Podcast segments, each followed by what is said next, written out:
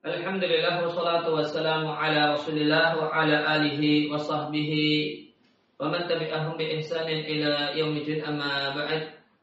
Kaum muslimin dan muslimah rahimani wa rahmakumullah.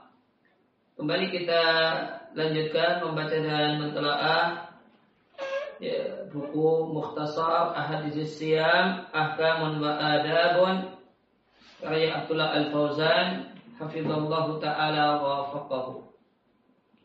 Kita sampai pada hadis yang keempat berkenaan dengan 10 hari yang terakhir dari bulan Ramadan yang diberi judul Fadlul Istighfari keutamaan memohon ampun kepada Allah wa du'ai dan berdoa akhiral laili di akhir malam. Dari Abu Hurairah radhiallahu anhu, sunnah Rasulullah sallallahu alaihi wasallam bersabda, "Yanzilu Rabbuna tabaraka wa ta'ala kulla lailatin ila sama'i dunya."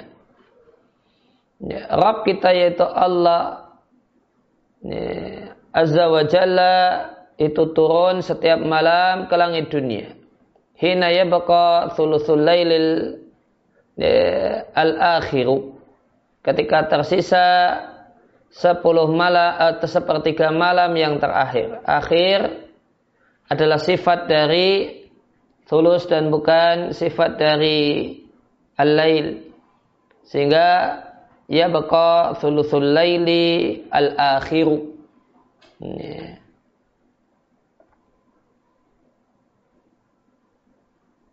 Kita baca al-akhiru karena Eh, sifatnya thuluthu. Fayaqul lantas Allah Subhanahu wa taala berfirman Man yad'uni fa'astajibalah Siapa yang mau berdoa kepadaku maka aku akan jawab doanya. Wa man yas'aluni fa'utiyahu Siapa yang meminta maka aku akan memberi apa yang dia minta. Man yastaghfiruni fa'aghfiralahu. Siapa yang memohon ampun kepadaku maka aku akan mengampuninya. Muttafaqun alaih diatkan oleh Al-Bukhari dan Muslim. Penjelasannya di sini dalil tentang keutamaan tiga hal di sepertiga malam yang terakhir. Keutamaan berdoa, Ya. ya keutamaan berdoa. Kemudian as-soal meminta. Kemudian istighfar memohon ampun. Nah, doa itu yang paling luas. Ya. kemudian di dalam doa ada permintaan tertentu. Ini lebih sempit Kemudian permintaan tertentu itu ada permintaan ampunan. Nah, ini lebih sempit lagi. Manakala ini dilakukan di akhir laili, di akhir malam, yaitu sepertiga malam yang terakhir. Sepertiga malam yang terakhir itu ya, malam ya, dibagi menjadi tiga bagian. Ya, kemudian maka bagian yang ketiga itu sepertiga malam yang terakhir. Dan malam itu dimulai dari maghrib sampai terbit fajar. Ini namanya malam. Dimulai dari mulai tibanya waktu salat maghrib sampai waktu tibanya salat subuh. Yang tentu panjang pendeknya itu berubah-ubah. Maka ini dibagi tiga, maka eh, bagian yang terakhir nah, itu sepertiga malam yang terakhir. Wa anna doa dan bahasanya doa kalau waktu di waktu tersebut adalah doa yang dijawab oleh Allah. Surutu jika syaratnya terpenuhi yaitu syarat e, untuk dijawabnya doa itu terpenuhi. Kemudian intafatil mawani'u. Faktor penghalang. Ya, dijawabnya doa itu tidak ada. Karena Allah Ta'ala menjanjikan menjawab orang-orang yang berdoa, memberi orang yang meminta, dan memberikan marfirah. Allah, dia Allah zat yang yudkhiluhum. Nah, gitu. Kalau Allah di yudkhiluhumul jannata khalidina bisa. Tapi kalau Allah di yadkhuluna al jannata tidak bisa. Harusnya eh, alladhi yudkhiluhumul jannata khalidina supaya alladinya kembali kepada Allah ini kurang non ini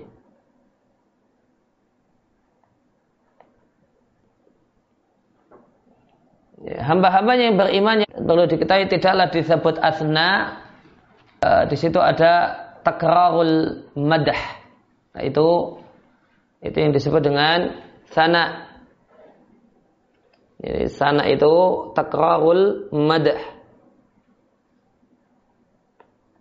Nah, takrarul madah. Pujian yang berulang-ulang. Kalau tidak berulang-ulang tidak disebut sana.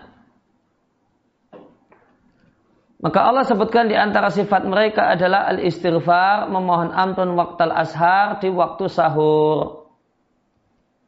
Ya, para ulama berselisih pendapat tentang waktu sahur.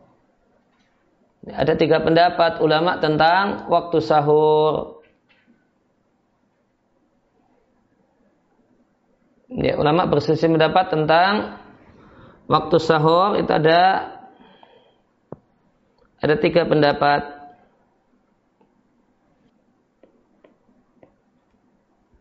Ya, pendapat pertama waktu sahur itu ya, setelah uh, setelah separuh malam. Ini pendapat Syafi'iyah. Ya, setelah separuh malam. Jadi separuh malam yang kedua. Ini Pak ini.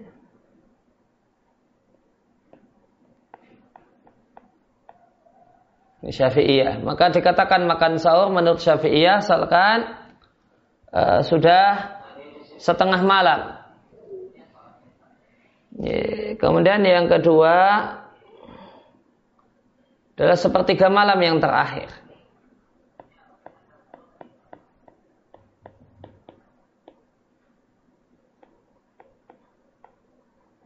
Ini sepertiga malam yang ketiga.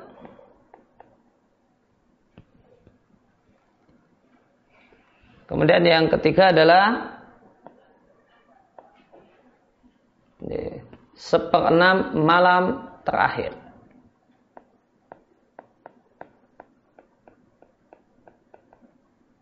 Ya, seperenam malam yang terakhir. Dan ini pendapat yang uh, lebih kuat. Biasanya ya, waktu sahur itu menjelang subuh. Dan yang paling menjelang subuh, paling mepet subuh ya seperenam malam terakhir. Artinya maghrib di sampai subuh dibagi enam, nah nanti ada seperenam terakhir kurang lebih mungkin dua jam atau sebelum subuh. Mulainya sebelum subuh tiba.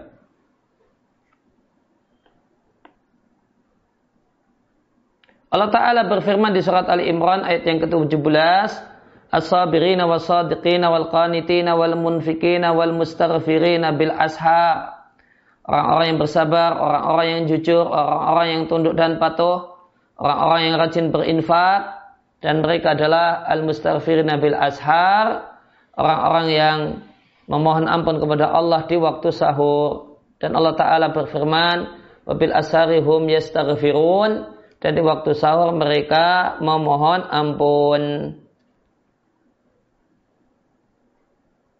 Akhirnya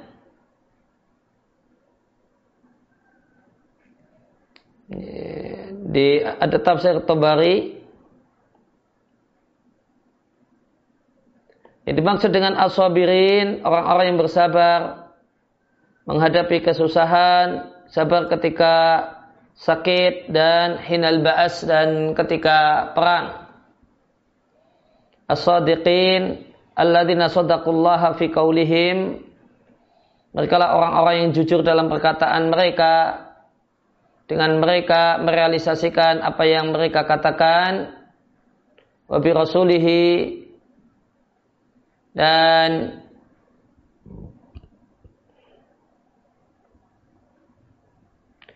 apa yang mereka ikrarkan dan wabi rasulihi wa maja'abi min indihi karena mereka tentang Allah, Rasulnya dan semua ajaran yang berasal dari Rasulnya.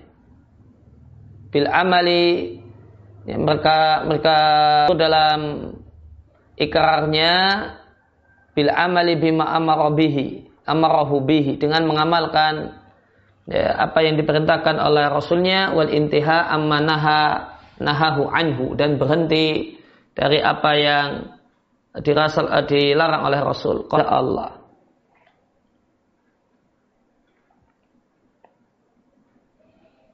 Nah kata At-Tabari, kata Abu Ja'far At-Tabari tentang mustarfirin bil ashar, ikhtalafa ahlu ta'wili. Para ditafsir berselisih pendapat tentang orang-orang yang memiliki sifat ini. Memohon ampun kepada Allah di waktu sahur.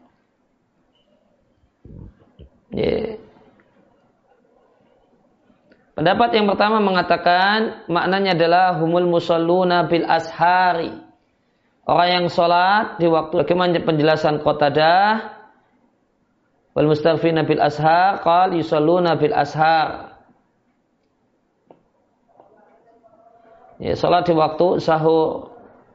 Pendapat yang kedua hum al mustaghfiruna. Orang-orang yang memohon ampun.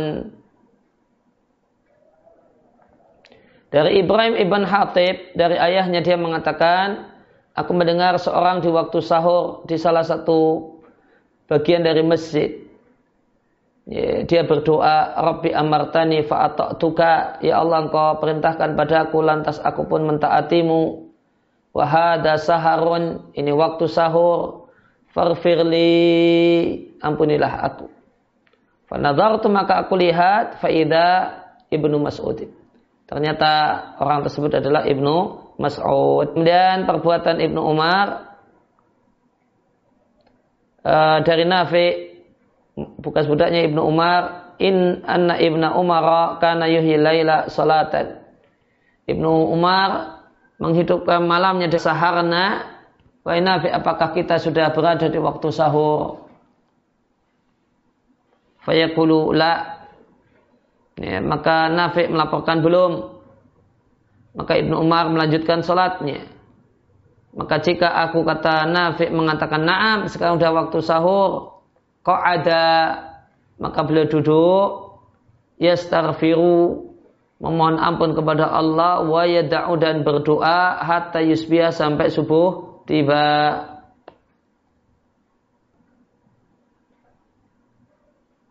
Abu Ya'qub Ad-Dabbi mengatakan, aku mendengar Ja'far bin Muhammad mengatakan, Man sholat minal laili. Tumastaghfara. Siapa yang sholat di waktu malam. Kemudian dia memohon ampun fi akhir laili di akhir malam. Seba'ina marratan. Ya. Minimal 70 kali. Kutiba minal mustaghfirina bil ashar. Maka tergolong orang-orang yang memohon ampun di waktu sahur. Kemudian ini pendapat ke tadi sholat, ya, pendapat pertama sholat, kemudian ya, memohon ampun, kemudian ada tiga Ya, wal mustaghfirina fil ashar tafsirnya Ibnu Kasir dalla ala fadilatil istighfari waqtal ashari. Ayat ini dalil ya, keutamaan memohon ampun di waktu sahur dan itulah yang dilakukan oleh Nabiullah Yakub. Waqat kila ya, salah satu tafsir untuk surat Yusuf 98 Saufa astaghfiru lakum rabbi Aku akan memohonkan ampun untuk kalian wahai anak-anakku kepada Rabbku. Maka diri saufa aku akan tidak langsung ini apa yang mau akan yang dilakukan oleh Yakub salah satu Penjelasan dalam masalah ini annahu akharahum ila waktu sahari. Ini, bahasanya Yakub itu menunda doa memohonkan ampunan untuk anak-anaknya sampai waktu sahur.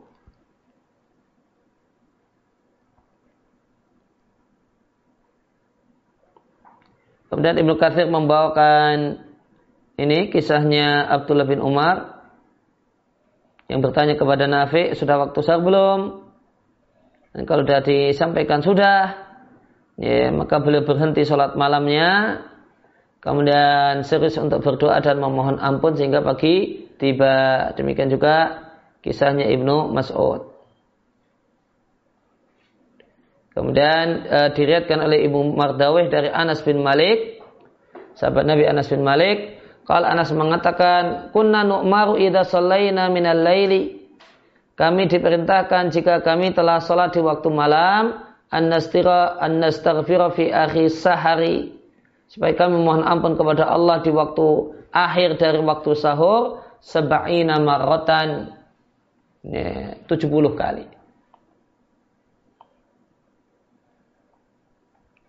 Kesimpulan dari Syekh Ibnu Sa'di untuk mustaghfirina bil ashar lama bayana sifatihim alhamidata. Setelah Allah sebutkan sifat-sifat mereka yang terpuji Allah menyebutkan bahasanya mereka menganggap hina diri mereka sendiri. Mereka ini mulia dengan berbagai macam sifat mulianya. Namun mereka sendiri merasa bahasanya mereka itu hina. Wa annahum la yarawna li mereka tidak melihat adanya kelebihan pada diri mereka sendiri. Halan wala maqaman mereka bukanlah seorang yang memiliki kedudukan yang istimewa di sisi Allah. Namun mereka berpandangan bahasanya diri mereka itu mudnibin, penuh dosa, muqassirin. Mereka itu orang-orang yang teledor. Sehingga mereka memohon ampun kepada Arab mereka. Wa yatawaqqa'una awqatal ijabati. Dan mereka menempatkan Eh, kata orang Jawa ngepas ke gitu ya. ya. Untuk memohon ampun itu di waktu mustajabnya atau waktu mustajabnya doa yaitu waktu sahur. Al Hasan Al Basri mengatakan ya, makna wal mustaghfirina fil ashar maddu salata ila sahari. Mereka lamakan sholat sampai waktu sahur tiba. Setelah itu, summa jalasu yastaghfiruna rabbahum.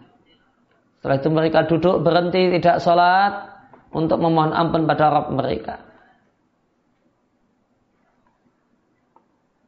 Maka ayat ini atau ayat-ayat ini menceritakan keadaan orang di dunia dan bahasanya dunia adalah kesenangan yang akan berakhir.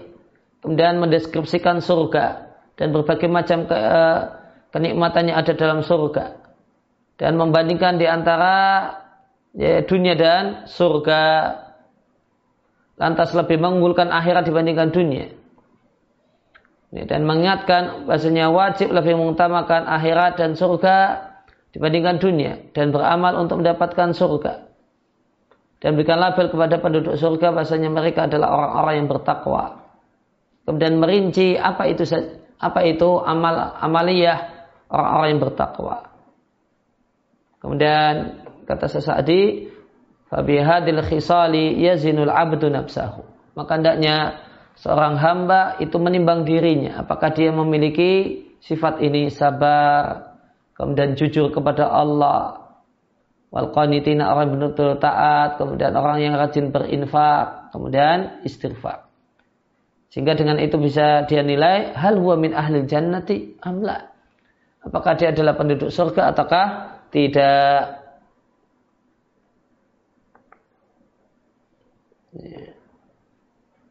Ya, sehingga uh, tadi kesimpulannya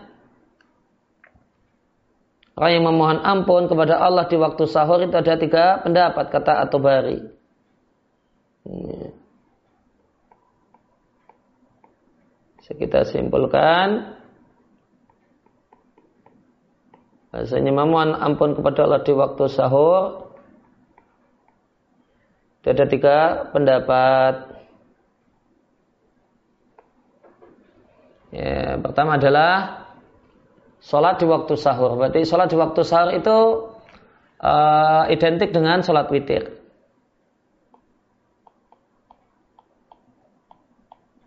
Ya, sholat di waktu sahur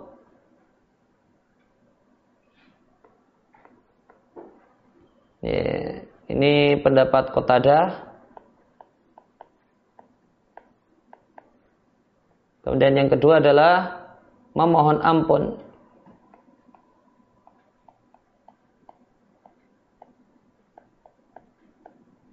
Mohon ampun kepada Allah.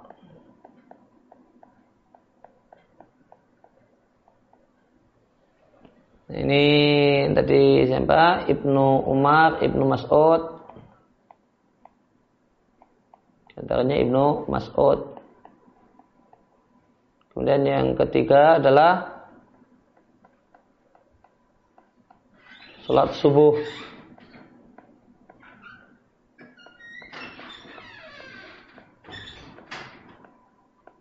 Berjamaah. Ya, dari tiga pendapat ini, pendapat yang dinilai sebagai pendapat yang tepat adalah ya, pendapat yang ketiga. Ini tiga uh, pendapat tentang wal mustaghfirin bil ashar.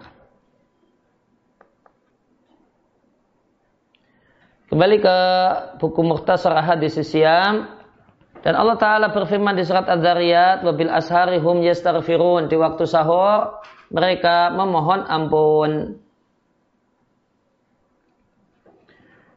Wahadal waktu minal awqatil lati yang lil abdi dan waktu ini adalah di antara waktu yang sepatutnya seorang hamba terutama di 10 hari yang terakhir dari bulan Ramadan sepatutnya seorang muslim ayat tanimahu memanfaatkannya.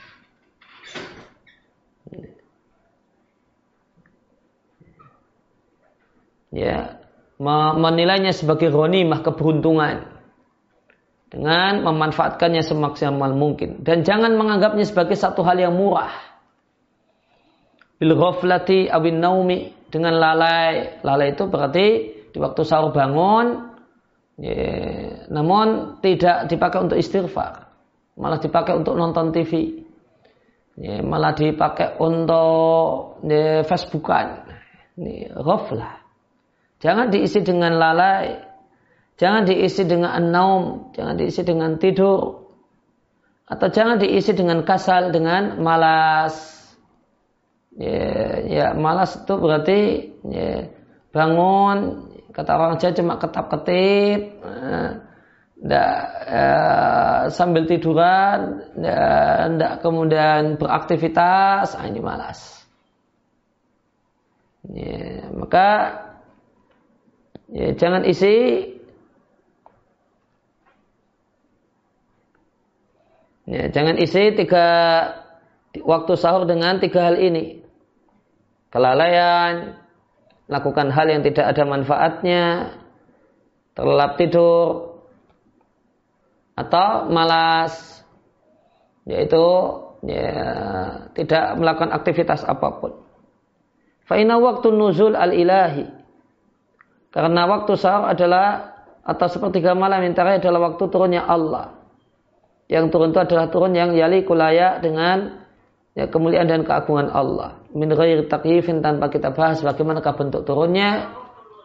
Ya, apakah seperti pesawat turun landing ataukah kemudian seperti daun jatuh? Tidak, tidak kita bahas demikian. Wala takyif, wala tamsilin dan tidak kita samakan dengan turunnya makhluk. Sebagaimana dikatakan Al-Qahtani di nuniyahnya, Wallahu yanzilu kula akhir lailatin li dunya bila kitmani.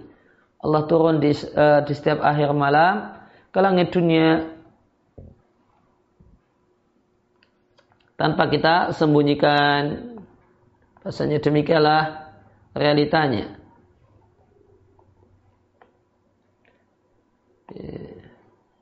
Kemudian Wayakul kemudian Allah kata wayakul hal min sa'ilin fa ujibahu fa anal qaribu ujubu man nadani. Hasa al ilaha bi atun kayyafadatuhu fal kaifu wa tamsilu muntafiyani. Wayakul kemudian Allah katakan hal min sa'ilin adakah orang yang meminta fa ujibahu nisa aku akan jawab permintaannya.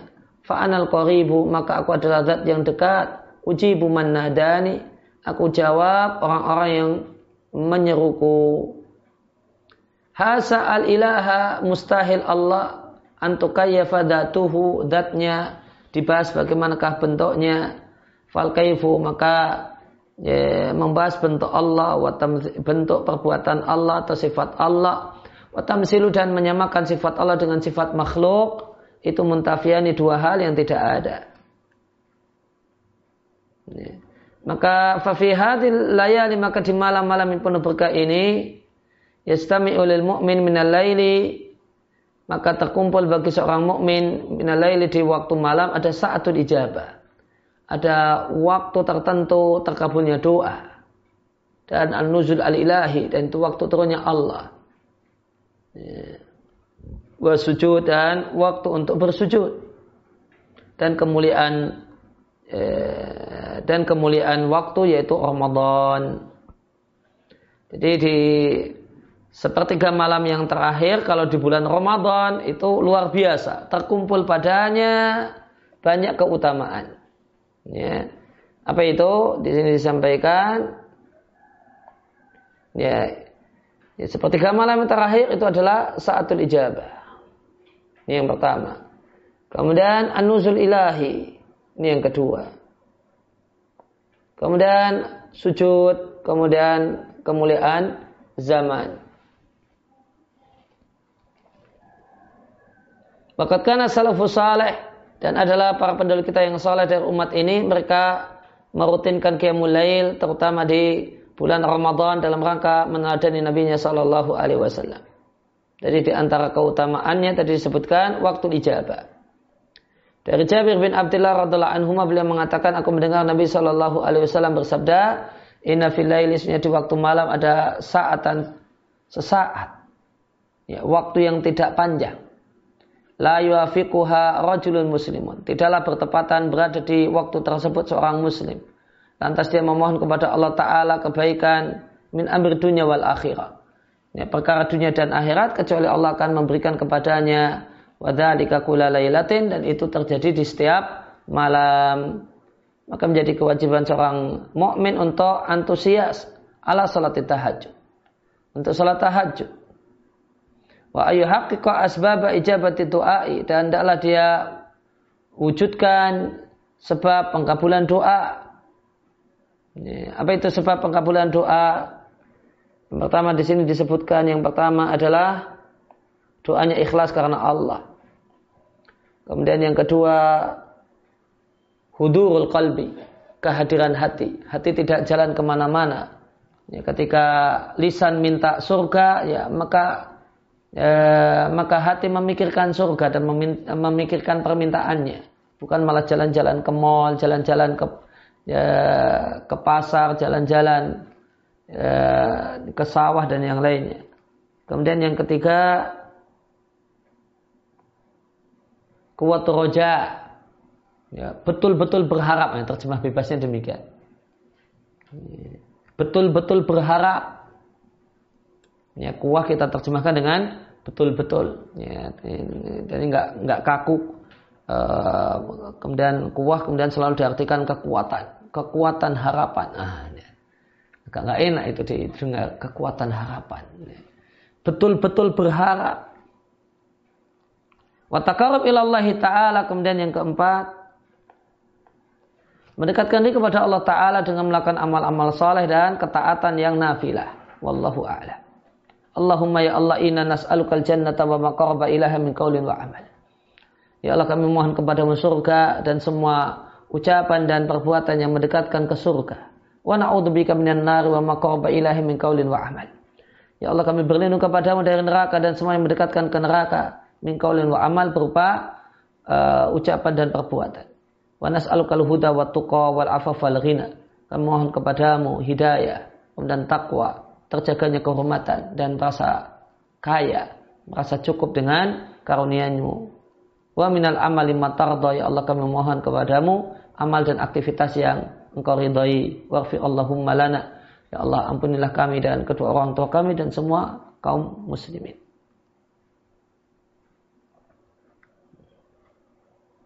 Ya, maka tadi kita uh, kita baca ada uh, asbab ijabati doa.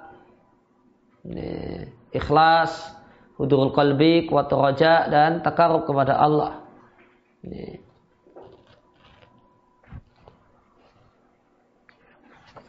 Ya, ke, kalau eh, saya, saya ingin tambahkan tentang masalah eh, doa, kalau saya menurut di Fatuh uh, Fathu Dil Jalal wal Ikram Bisari Buluhul Maram di jilid yang terakhir, jilid yang ke-15 kalau dicetakan muasasah di halaman 432. Ya, beliau punya istilah menggunakan istilah surut syarat doa. Ini, syarat doa atau syarat terkabulnya doa. Dia sampaikan syarat terkabulnya doa itu ada empat. Yang pertama, yakin ya, bahasanya seorang hamba itu tidak akan bisa mendapatkan apa yang diingin, dia inginkan kecuali dengan bantuan Allah.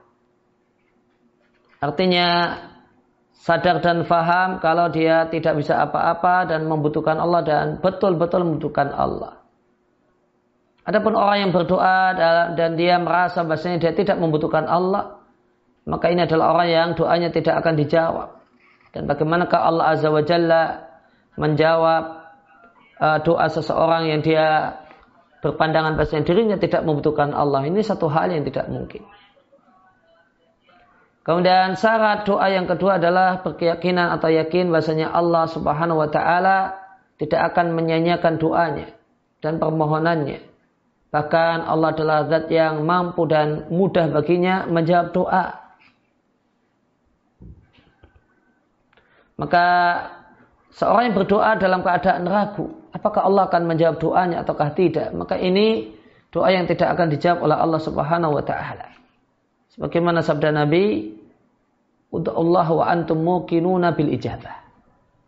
Berdoa engkau kepada Allah dalam keadaan yakin kalau Allah menjawab doamu. Gimana syaratnya supaya yakin kalau Allah menjawab doa? Sadari bahasanya tidak ada yang aziz, yang berat, yang sulit, yang mustahil bagi Allah Subhanahu wa taala. Kemudian yang ketiga adalah ayat tajannaba aqlal harami. Jauhi memakan yang haram. Karena memakan hal yang haram min akbari mawanil ijabati.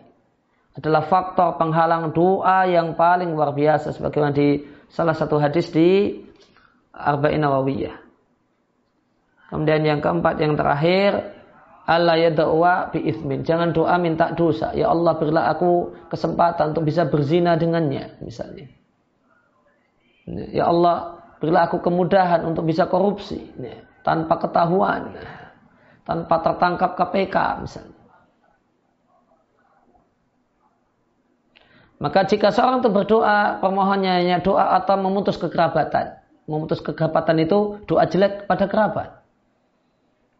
Karena doa jelek pada kerabat seandainya kedengaran, gimana yang terjadi? Kerabat itu akan putus, memutus hubungan.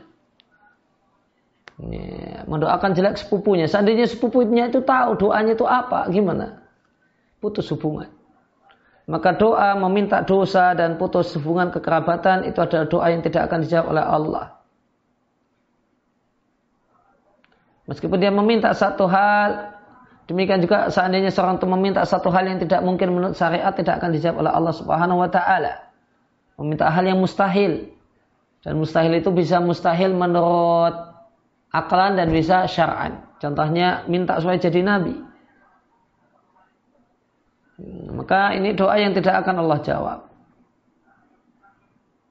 Kenapa? Karena namanya mu'tadin, melampaui batas. Ya, maka di antara syarat ijabatu doa adalah tidak berdoa minta dosa atau memutus hubungan kekerabatan atau dengan bahasa yang lebih bebas. Poin yang keempat itu adalah uh, Allah ya'tadiya fi du'aihi.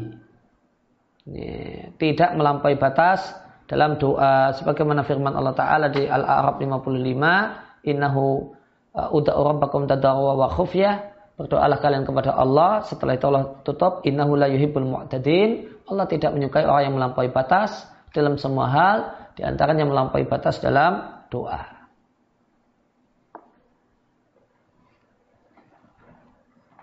Maka ada yang membuat istilah asbab ijabati doa. Ya, di bahasanya Sa'abdullah Fauzan. Ada yang saya Ibn Thamin menggunakan surut Ya, surut doa yang maknanya adalah surut ijabati doa. Ya, demikian yang kita kaji kesempatan eh, kali ini. Sallallahu ala nabiyina Muhammadin wa ala alihi wasallam wa alamin. Ada pertanyaan? Silakan bacakan. Baik, Sat, ada pertanyaan?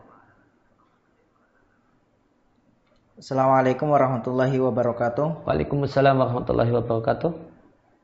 Saat jika pada saat mengunyah sahur masuk waktu subuh belum sempat minum, apa yang kita lakukan? Jazakumullah khairan. Uh, insya Allah Ramadan kita uh, besok ini mungkin ada dua versi jadwal ya. Versi pemerintah, ya, kemudian versi Muhammadiyah nanti mundur 8 menit. Jadi kalau dan hukum asalnya malam. Ya, hukum asalnya malam. Ya, karena itu waktu malam, hukum asalnya malam. Ya, sehingga kalau pakai kaidah ini ya maka yang di, dimenangkan uh, versi Muhammadiyah. Ya. Karena hukum asalnya malam. Ya, maka jika uh, belum minum dan adanya adan versi jadwal pemerintah maka masih ada 8 menit itu. Nah, masih bisa minum uh, teh hangat masih bisa itu dan tidak harus tergesa-gesa. Ya, masih cukupan 8 menit ini. Nah, ilahilah antas wa atubu.